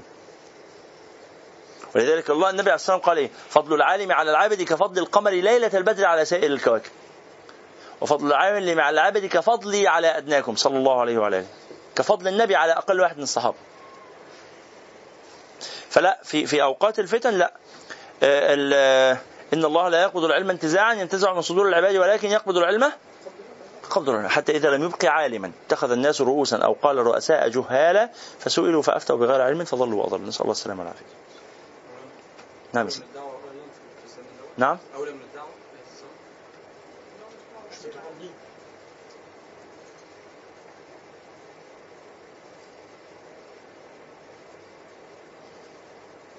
وسيلة شوف إحنا لما بنقول أولى معناها إنه عند التعارض نقدم أيهما. لكن في الحقيقة يعني ينبغي أن يكون عندنا أو عند كل إنسان حد أدنى من كل واحدة. فيعني ما حدش يقول إن العلم أولى فأترك الفرائض لأجل العلم. عندي عندي حد أدنى في الفرائض عندي حد أدنى في الدعوة. بس فضول الوقت كلها للعلم. بس لازم عندي حد أدنى في هذا وفي ذاك. ما أقدرش أقول إن أسيبهم بالكلية مستحيل. منهج النبي صلى الله عليه وسلم ما كانش كده. طيب. ثم قال وعليك بأداء الفرائض واجتناب المحارم والإكثار من النوافل فإنك إن فعلت ذلك مخلصا لوجه الله الكريم حصلت على غاية القرب من الله وخلعت عليك خلعة المحبة التي تصير عندها جميع حركاتك وسكناتك لله وبالله. وهي خلعة الولاية بل خلعة الخلافة. يعني إيه خلعة؟ هدوم. آه كان عادة الملوك إنه إيه؟ لما يدخل عليه شاعر أو حاجة زي كده فيخلع عليه خلعة ما. والخلع دي درجات فممكن يلبسوا عباية مثلا العباية الصفراء. معناها إيه؟ كأنه عارفين ال- ال- النوط أو النياط والنياشين؟ الأنواط. إنه مثلا إيه؟ نعطيه وسام التميز من الدرجة الأولى. نعطيه جائزة الدولة التشجيعية. لا جائزة الدولة التقديرية لا جائزة المر... كده. فالخلعة كان لها هذا المعنى إنه ده يعني شاعر متقن جيد هنخلع عليه خلعة المحبة. يعني هنديله عشر تلاف دينار ونلبسه الايه العباية الصفراء طب لا التاني ده هنلبسه العباية الخضراء ونديله مئة ألف دينار وهكذا يعني. فقال فإنك إن فعلت ذلك مخلصا لوجه الله الكريم ذلك اللي هو إيه؟ أداء الفرائض واجتناب المحارم.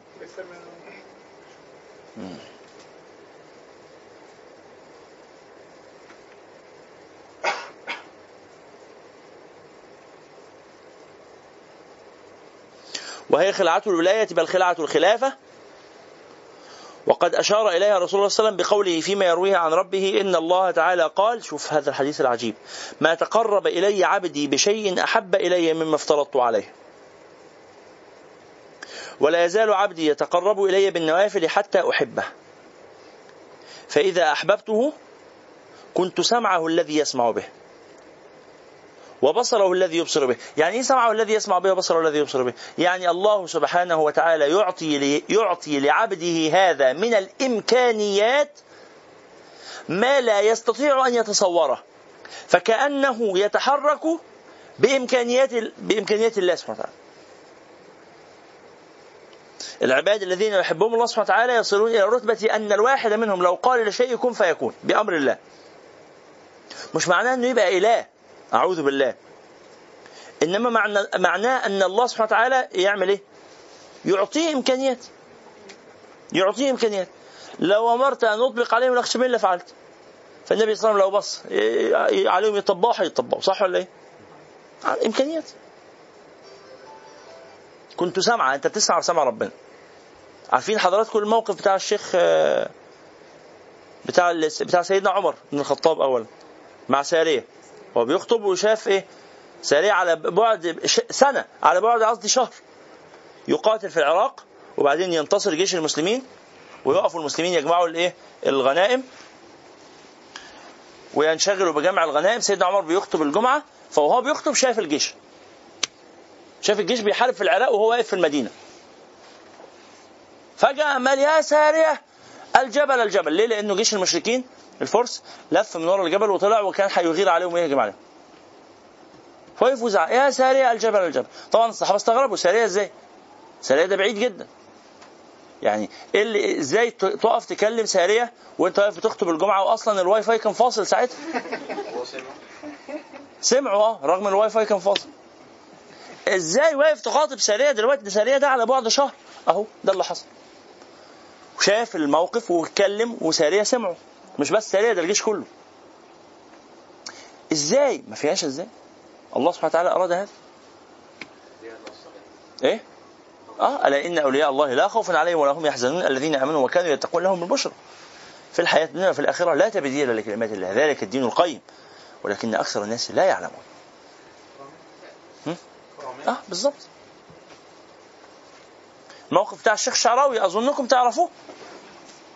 أنا ما ببقاش عارف أنا ب... يعني قلت الكلام ده قبل كده ولا ما قلتوش؟ فمين عارفه ومين مش عارفه؟ مين عارفه؟ الموقف بتاع الشيخ شعراوي مع الشيخ عمر عبد الكافي. واحد اثنين ثلاثة أربعة خمسة ستة سبعة. بس سبعة عارفين. الشيخ شعراوي الله يرحمه الشيخ عمر عبد الكافي لسه عايش. تلميذ الشيخ شعراوي. الشيخ شعراوي قال له تعالى يا شيخ عمر هنروح واحدة بتخانق مع جوزها نروح نصلح ما بينهم. الشيخ عمر قال له يا مولانا ما حضرتك ابعت حد من تلامذتك. هو التكييف ده مبردكم طب ما ترفعوه. لا بيترفع شوية كمان.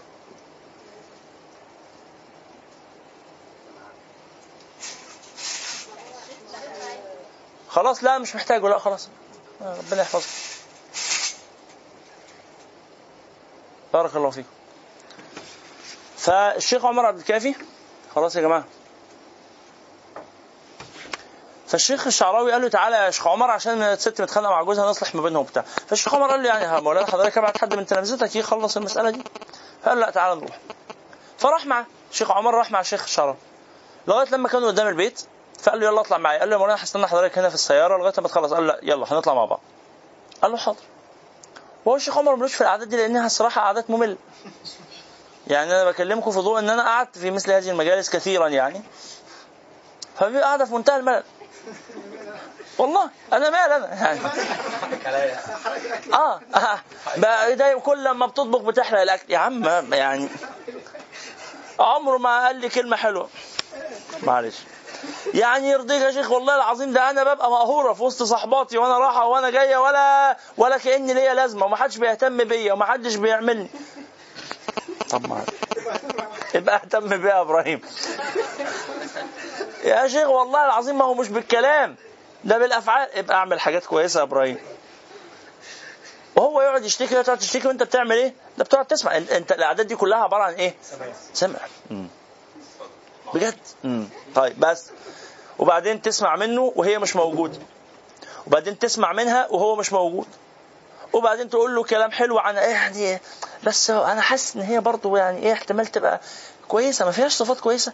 يقول لك آه والله العظيم ده فعلا ده فيها صفات كذا وكذا ويبدأ يعدد لك صفاتها الكويسه فت... لا ما هو مشحون لازم يطلع شحنته العاطفية. فيبدأ يعدد صفاتها الكويسه وبعدين تقول له والله بس أنا حسيت في كلامها في وسط الكلام كده قالت حاجة تظهر إن هي بتحبك. فتلاقيه يقول لك قالت إيه؟ هو عايز يسمع. يقول له والله دي قالت كذا وكذا وكذا. وبعدين تبدأ تقول لها على فكرة بقى اللي أنت ما تعرفوش هو اتكلم وأنت مش موجودة. ما قالش في حقك غير كل حاجة حلوة. هو يعني لعن يعني جدود جدودها إلى الجد الخامس والثمانين فتقول له والله ده هي ما رضيتش تجيب سيرتك ولا سيرة أهلك بحاجة غير بالحب. وعارف مامتك بالذات مامتك بقى؟ علاقة الحب اللي ربطها بمامتك. وبأختك يا سلام. هي هي آه. يا ربي. تفضل قاعد تسمع تسمع تسمع. وبعدين تقول كلمتين حلوين. وبعدين إيه تقعدوا بقى قدام بعض تقول يا جماعة بصوا أنا اللي غلطان. الغلطات اللي عندك دي أنا السبب فيها. أنا اللي كنت شاغله. أنا اللي كنت بعطله وتبص له تقول له عارف بقى الحاجات اللي أنت زعلان منها ده السبب برضه. أنا اللي أستاهل ضرب البولر. لازم تشيل نفسك الغلط. وتقول أنتوا كويسين انت كويسة يا نفيسه انت كويس يا إبراهيم. قوموا حبوا على راس بعض بوسوا راس بعض العبوا اخوات وتقوم تمشي وخلاص. عادات تقليدية جدا يعني هي ما تخرج بقى انت من القعدة. والله القعدات ساعات بالطول مثلا ست ساعات ثلاث أيام متوالية.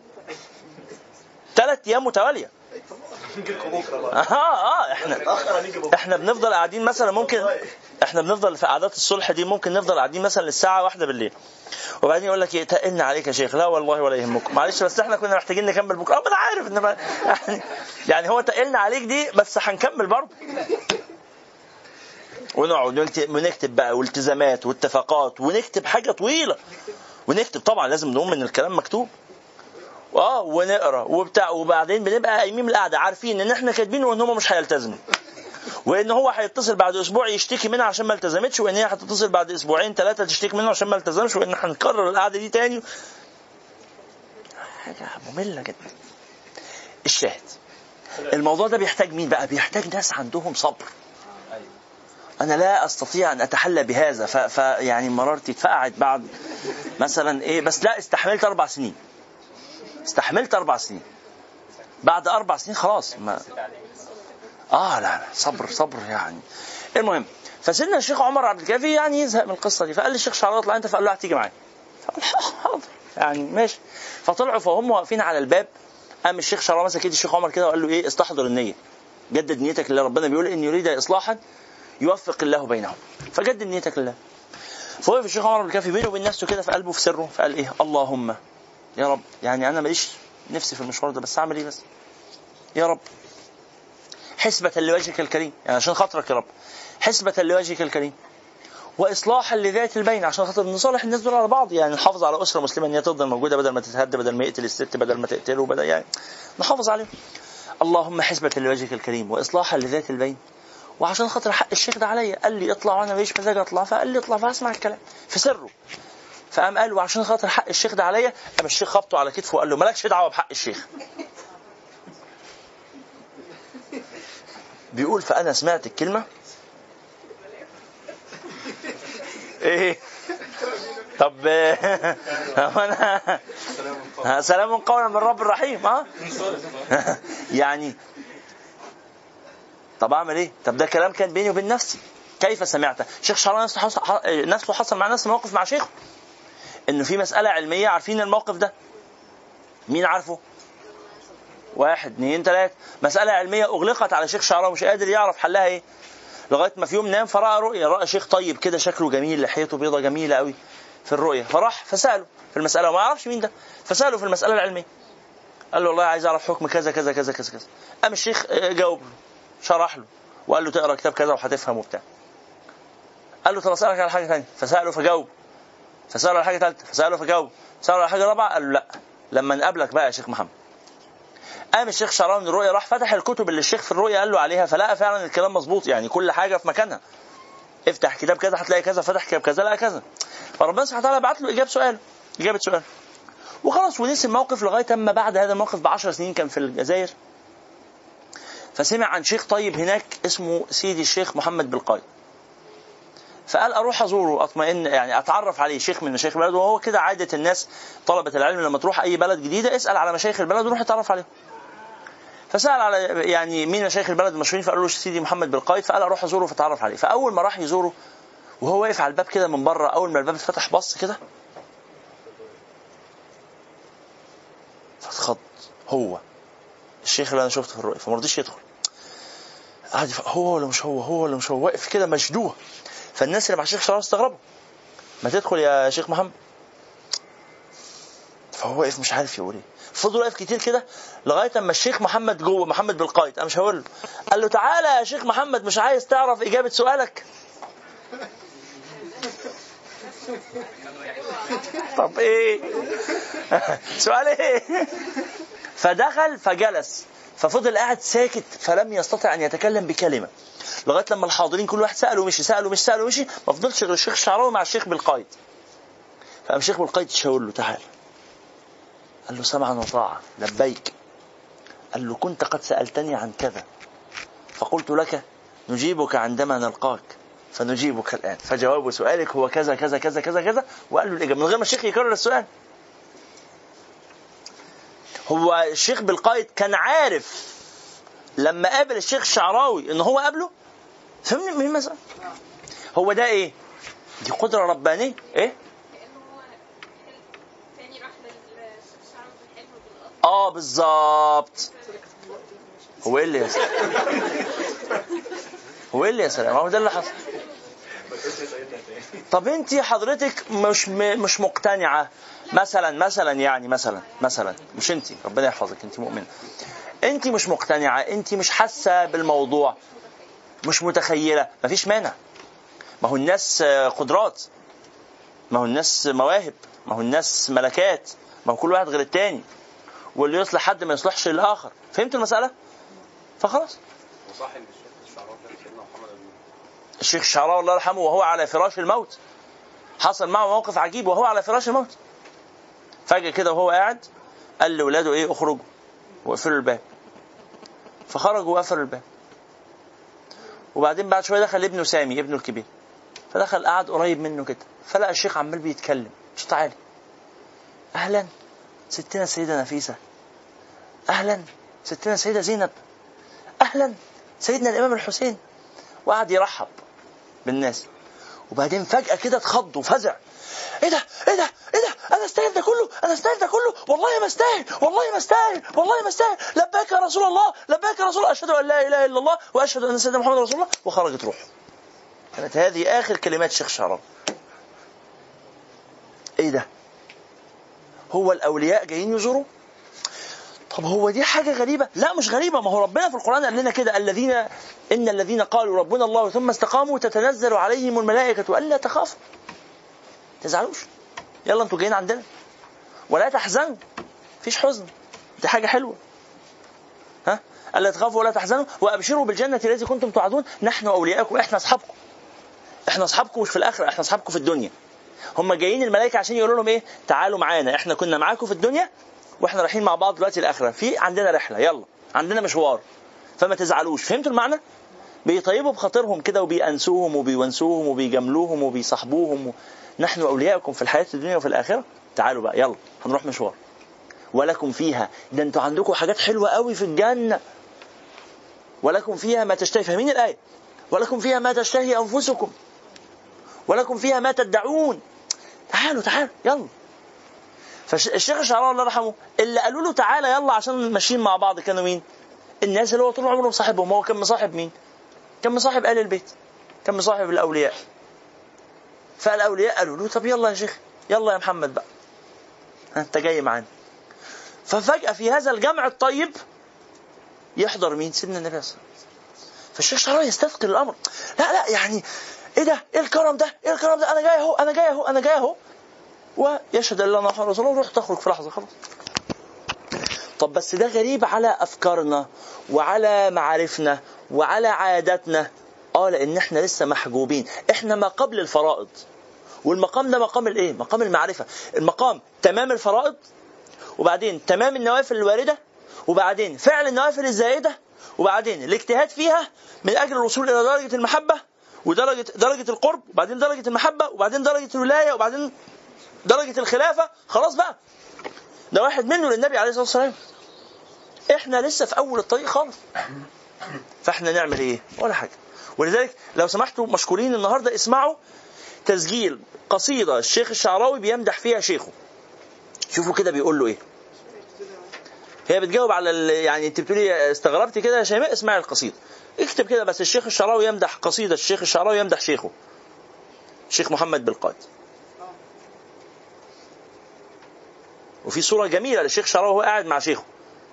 قاعد تحت رجله. صورة شديدة ال- الروعة الحقيقة. أرجوكم تشوفوا الشيخ نعم هو الشيخ محمد بن قائد رضي الله عنه. طيب على كل حال ف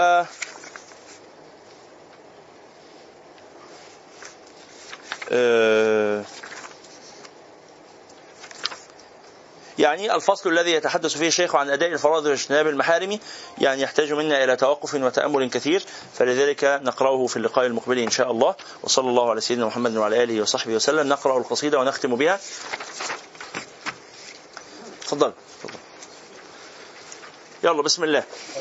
قد كفاني علم ربي من سؤالي واختياري فدعائي وابتهالي شاهد لي بافتقاري. ولهذا السر أدعو في يساري وعساري أنا عبد صار فخري ضمن فقري واضطراري. قد كفاني علم ربي من سؤالي واختياري فدعائي وابتهالي شاهد لي بافتقاري. يا إلهي ومليكي أنت تعلم كيف حالي وبما قد حل قلبي من هموم واشتغالي. فتداركني بلطف منك يا مولى الموالي. يا كريم الوجه غثني قبل أن يفنى اصطباري قد كفاني علم ربي من سؤالي واختياري فدعائي وابتهالي شاهد لي بافتقاري يا سريع الغوث غوثا منك يدركنا سريعا يهزم العسر ويأتي بالذي نرجو جميعا يا قريبا يا مجيبا يا عليما يا سميعا. قد تحققت بعجزي وخضوعي وانكساري. قد كفاني علم ربي من سؤالي واختياري فدعائي وابتهالي شاهد لي بافتقاري لم أزل بالباب واقف. فارحما ربي وقوفي وبوادي الفضل عاكف. فأدم ربي عكوفي ولحسن الظن لازم فهو خلي وحليفي وأنيسي وجليسي طول ليلي ونهاري قد كفاني علم ربي من سؤالي واختياري. فدعائي وابتهالي شاهد لي بافتقاري حاجة في النفس يا رب. فاقضها يا خير قاضي وأرح سري وقلبي. من لظاها والمضاب في سرور وحبور. وإذا ما كنت راضي فالهنا والبسط حالي وشعاري ودثاري قد كفاني. من سؤالي واختياري فدعائي وابتهالي شاهد لي بافتقاري ولهذا السر أدعو في يساري وعساري. أنا عبد صار فخري ضمن فقري واضطراري. قد كفاني علم ربي من سؤالي واختياري. فدعائي وابتهالي شاهد لي بافتقاري. اللهم صل أفضل صلاة على أسعد مخلوقاتك سيدنا محمد وعلى آله وصحبه وسلم عدد معلوماتك ومداد كلماتك كلما ذكرك الذاكرون غافل عن ذكره غافلون. صلى الله عليه وعلى آله وصحبه وسلم. سبحانك اللهم وبحمدك أشهد أن لا إله إلا أنت. أستغفرك وأتوب إليك. بسم الله الرحمن الرحيم والعصر. إن الإنسان لفي خسر إلا الذين آمنوا وعملوا الصالحات وتواصوا بالحق وتواصوا بالصبر. سبحان ربك رب العزة عما يصفون. وسلام على المرسلين والحمد لله رب العالمين.